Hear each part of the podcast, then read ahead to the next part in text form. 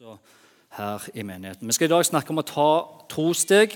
Og hva vil det si å ta nye steg i tro? er tittelen i dag. Um, jeg har en datter som er ti år gammel. og uh, Hun heter Vivian. Og her For en stund tilbake så bestemte vi oss at vi skulle reise ned til badeland.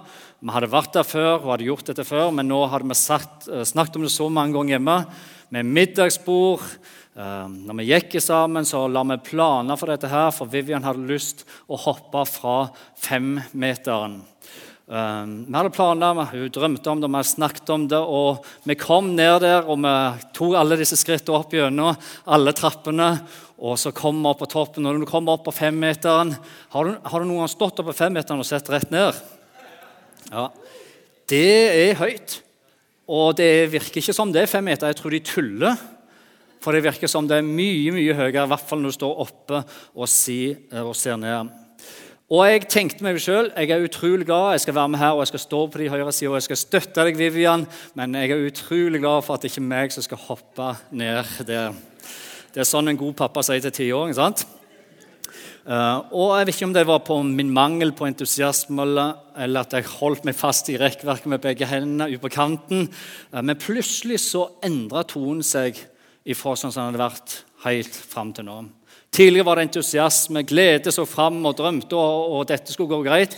Men på kanten, da det siste steget skulle tas, så endra alt seg. Og det endte opp i at uh, vi gikk fram og tilbake til den kanten sikkert 15-16 ganger. Uh, jeg prøvde å motivere henne og sa at dette går så fort. Det er bare gjort på noen par sekunder. vet du. Så det er ikke noe problem, dette her. Jeg telte. Har du gjort det noen gang? Kom igjen, nå skal vi ta dette her. Når du liksom Én, to, tre Og ikke denne gangen heller, nei. Nei, vi prøver igjen. Én, to, tre, og ikke denne gangen heller. Og Vi gikk fram og tilbake, og jeg måtte si til henne Vivian jeg forstår godt det, jeg synes også det er høyt, så hvis du har lyst til å gå hjem igjen, eller ned igjen, mener jeg, så bare gjør det. Det går helt fint, jeg skal følge deg ned. Å nei, det vil du ikke. Og Hun sto der oppe, og jeg telte en gang til. Og så sa jeg dette her, da for å motivere henne til å ta det siste, siste steget, så sa jeg Vivian, hvis du gjør det, så skal pappa òg gjøre det.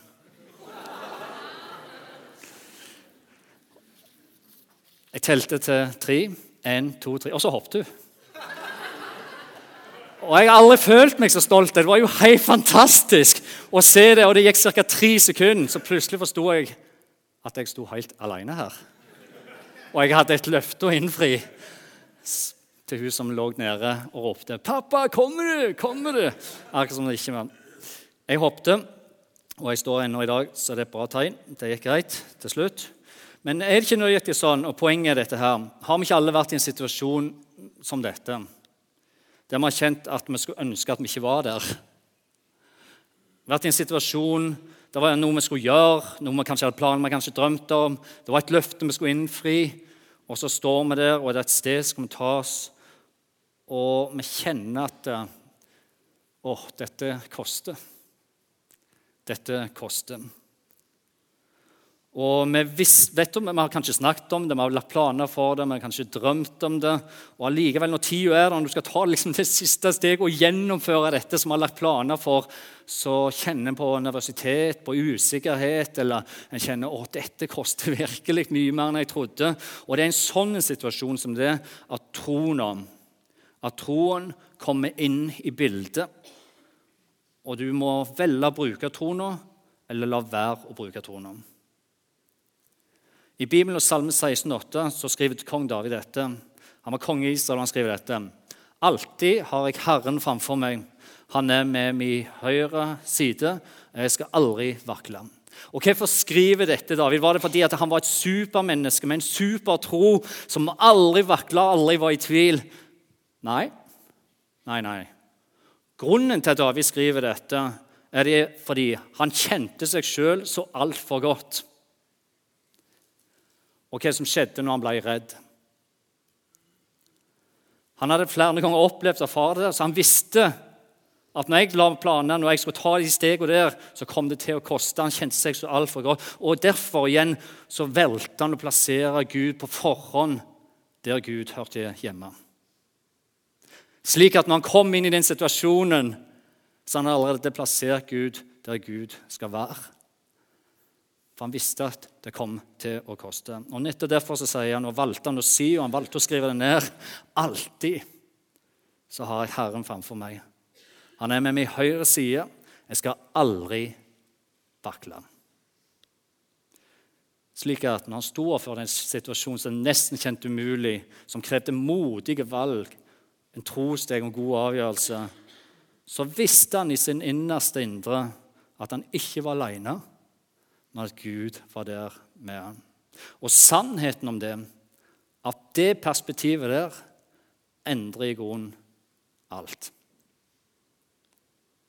Det gir en annen dimensjon i de utfordringene vi står i i livet. Og Det er min påstand i dag da, at når det kommer til tro, og med sider av troa, så vil vi nok aldri lære fullt ut Gud å kjenne, finne ut hvor langt troen strekker seg, og få en dypere og dypere relasjon med Gud uten at vi som David faktisk velger å sette Gud der, slik at vi kan ta de trostegene som vi trenger å gjøre. Og Hvorfor er det sånn? Jo, fordi troen er ikke en passiv tilstand men en aktiv handling.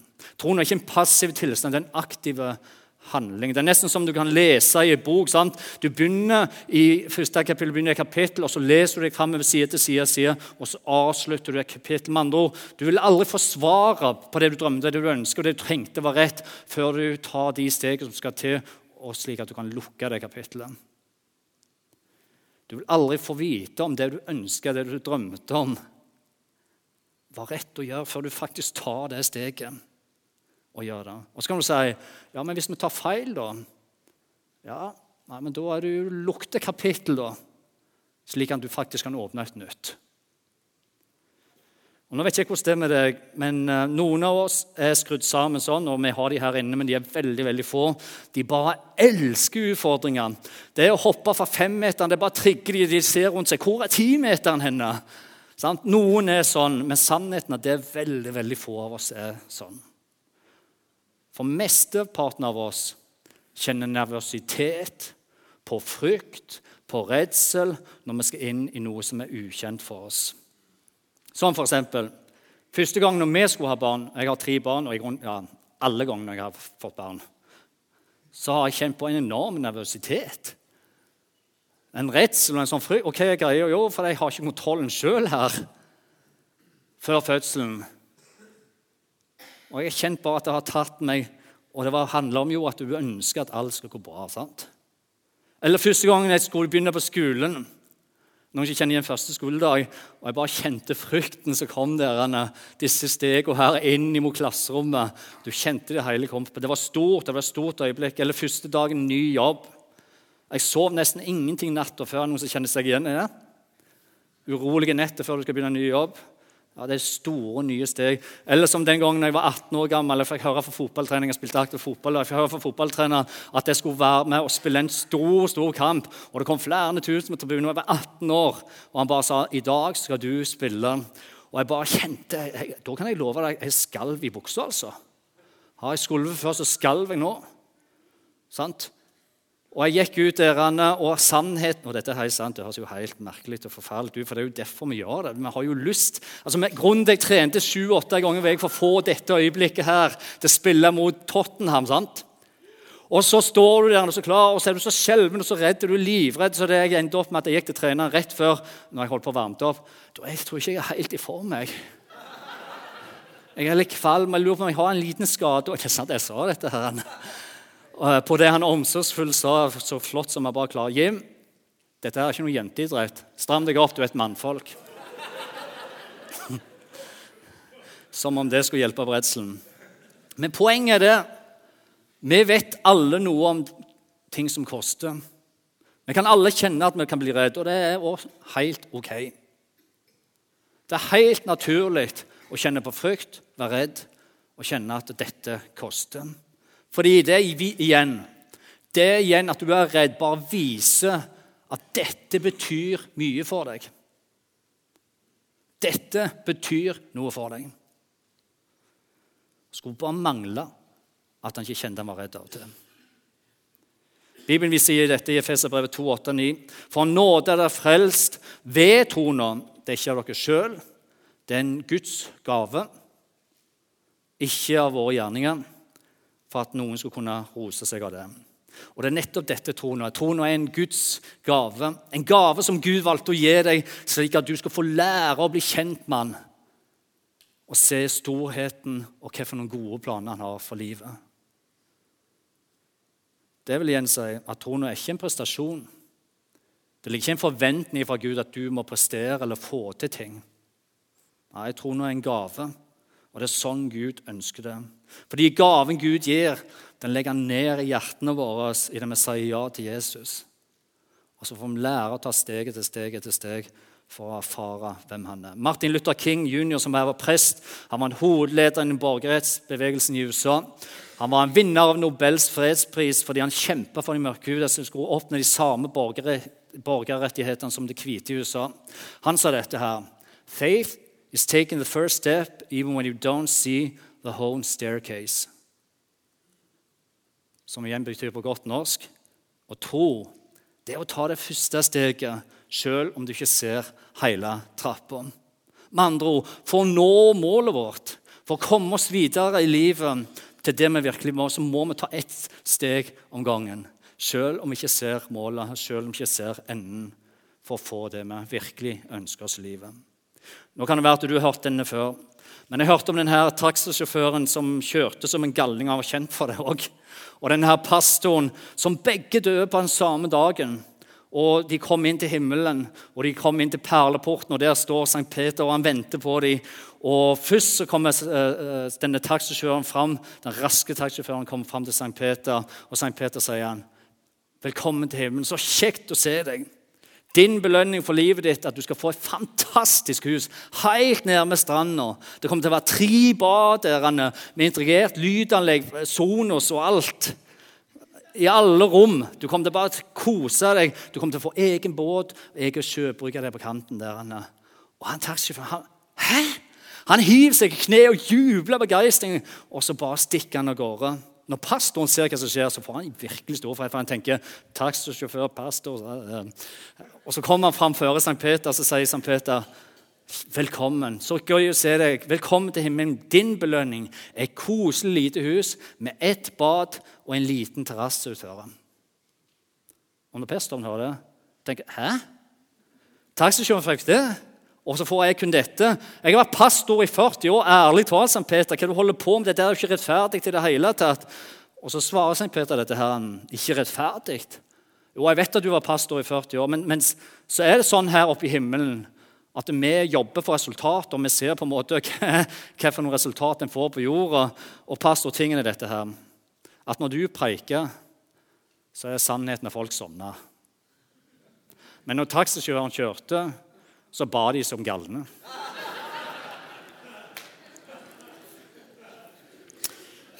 så vet vi at dette er en enkel historie. Dette er ikke sant. altså. Det, det er ikke noen St. Peter, det fins ikke noen perleport. Men det som er sant, er at det er jo sånn det er med oss. Er det ikke det? Noen ganger likevel. At det først når vi kjenner at vi virkelig mister kontrollen på ting At vi kjenner at nå er det gale at vi virkelig henvender oss til Gud i bønn også. Ikke sant? Og Det er kanskje ikke så rart da at Gud ber oss lev ikke ordinær liv, men sett dere noen hårete mål. Men gjør dere litt avhengig av meg. Våg å ta oss to steg og vite at jeg er der på den høyre side. I Bibelen har brev, brev 11,6 så står det dette om troen. Uten tro så er det umulig og være til glede for Gud. For den som trer framfor Gud, må tro at han er til, og han lønner de som søker han. Og Ved første øyekast kan det virke litt hardt, dette bibelverset. Det virker liksom at Gud bare gleder seg over de som virkelig får til dette livet, og som tar mange trosteg. Men sannheten er noe helt annet. Fordi sannheten er dette at altfor mange mennesker dessverre reiser gjennom dette livet her uten noe mening eller hensikt i det hele tatt. Og Kanskje de til og med sier dette. Jo, det må jo finnes noe mer mellom himmel og jord. Det må jo det. Men så stopper de der. Og jeg bare spør Og det er ikke for å være frekk, eller noe sånt, men jeg bare spør hvordan er det mulig? Å tenke at det kanskje fins noe mer mellom himmel og jord, og så lukker det kapittelet og gjøre noe med det. For hvis det var sånn at det var noe, mer, noe mektig mellom himmel og jord, noe som hadde på en måte holdt dette i balanse, som hadde gjort noe med jorda som univers og alt. Hvis, hvis det fins noe som er mektig, da, som er så stort som klarer å holde dette Hvis det er noe mer med himmel og jord, hvis en tenker det, så burde en i grunnen finne ut av det. Fordi dette mektige, da Det kan være at det har noe å si og ønsker å si noe til oss mens vi lever her på jorden. I Bibelen og i bok som heter Forkynneren 4.12, så står det noe som ofte blir brukt i vielse og i tale til brudeparet av pastor og prester. Og det står dette her. Om én blir overvunnet, kan to holde stand. En tretvinnet tråd ryker ikke så fort. Og Poenget og grunnen til dette brukes i vielse, er fordi vi som pastorer ønsker å si noe ønsker å si at om dere blir to, så er det en styrke i det. Men om dere i tillegg tar Gud med inn i ekteskapet, så blir det til en tretvinnet tråd, og de ryker ikke lett. Og Dette er logisk for oss alle, fordi vi vet jo at én tråd den tåler ikke så mye. To tråder sammen det tåler mer, men en tretvinna tråd det, det, er vanskelig å ryke. Og tingene er den at det er nøyaktig det Gud ønsker å være i vår liv. Han ønsker å være den der tråden som hjelper oss, som styrker oss, som holder oss sammen når vi står på kampen, når vi skal inn i de usikre, når vi står der, når vi kjenner redselen eller frykten, så ønsker han å være den som gir oss styrke. Trona til å ta de stegene som trengs.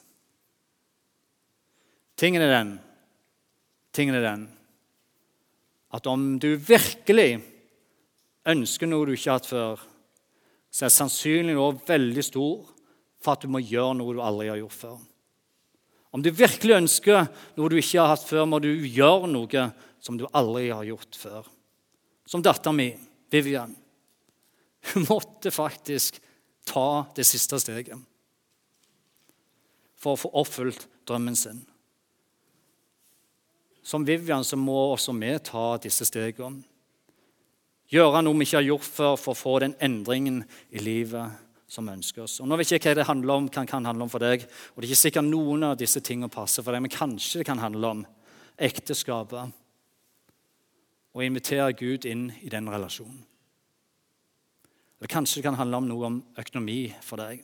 Eller kanskje det, det handler om å ta det steget og invitere med en kollega eller en venn. Eller kanskje det for deg handler om barn, barnebarn, tenåringer i hus. Du kjenne at dette er en tøff tid. Eller kanskje det handler om tro nå.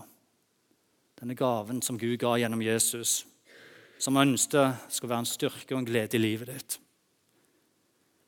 Kanskje det handler om en visshet for deg å ta det steget. Slik at du òg vet at når den siste setningen skrives om livet ditt her på jorda, så har du en evighet å forholde deg til. For om du virkelig ønsker noe du ikke har hatt før, så er sannsynligheten stor for at du må gjøre noe du aldri har gjort før. Det igjen kan bety at du sannsynligvis vil kjenne på nervøsitet, du vil være redd, det vil være mange tanker om hva dette kommer til å koste, som kommer imot deg. Men det er jo bare fordi dette valget betyr noe for deg. Det er viktig for oss.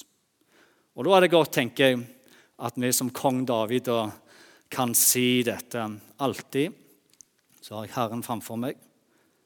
Han er med min høyre side. Jeg skal aldri vakle. Amen. Så skal vi be sammen til slutt.